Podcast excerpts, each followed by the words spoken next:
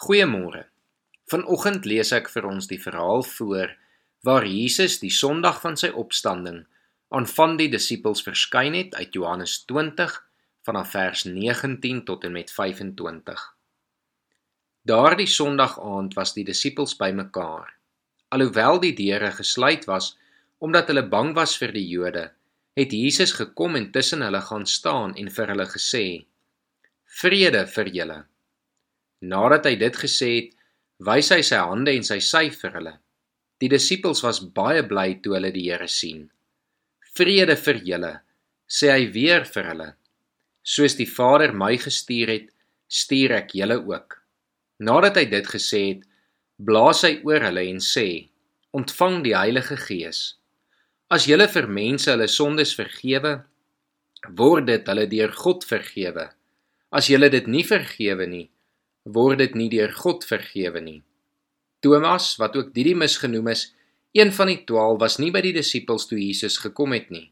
Die ander disipels sê toe vir hom: "Ons het die Here gesien."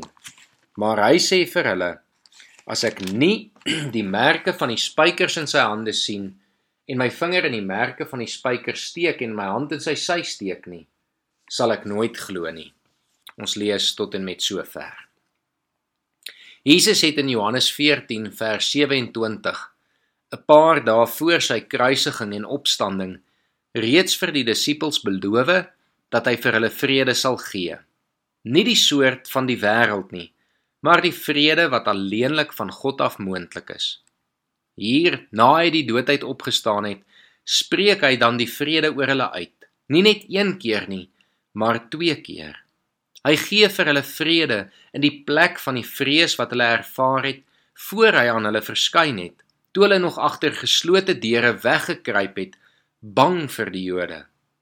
Hiermee saam gee hy vir hulle die opdrag om nie langer weg te kruip en bang te wees nie, maar om met hierdie vrede, die boodskap van vrede, te gaan verkondig, om op dieselfde wyse as wat Jesus gekom en gestuur was na die wêreld toe, ook na die wêreld toe te gaan om die goeie nuus te gaan versprei, die boodskap van die evangelie, die goeie nuus van die vrede wat God vir elke mens wil gee, om te gaan getuig oor die vrede wat in hulle leef.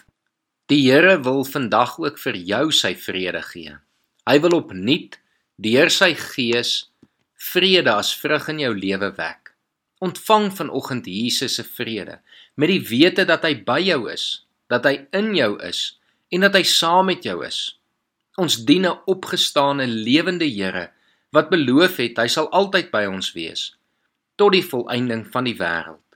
Daarom kan ons vanoggend met waagmoed die wêreld binne gaan, ten spyte van ons vrese, ons angs of ons bekommernisse met die wete dat die Here vir ons al daardie wil vervang met sy vrede dat hy vir hierdie wêreld vrede wil verkondig deur ons dat hy elke mens wil aanraak sodat ook hulle hierdie vrede kan beleef.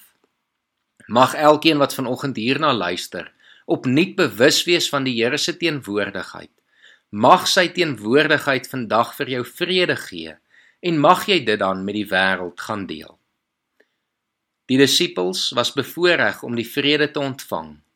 Thomas aan die ander kant wou nie glo nie, was nie daar nie, het nie die Here gesien nie en het nog nie die vrede ervaar nie. Maar gelukkig sal ons later die week ook hoor hoe hy uiteindelik ook Jesus se teenwoordigheid beleef het en wel vrede gevind het.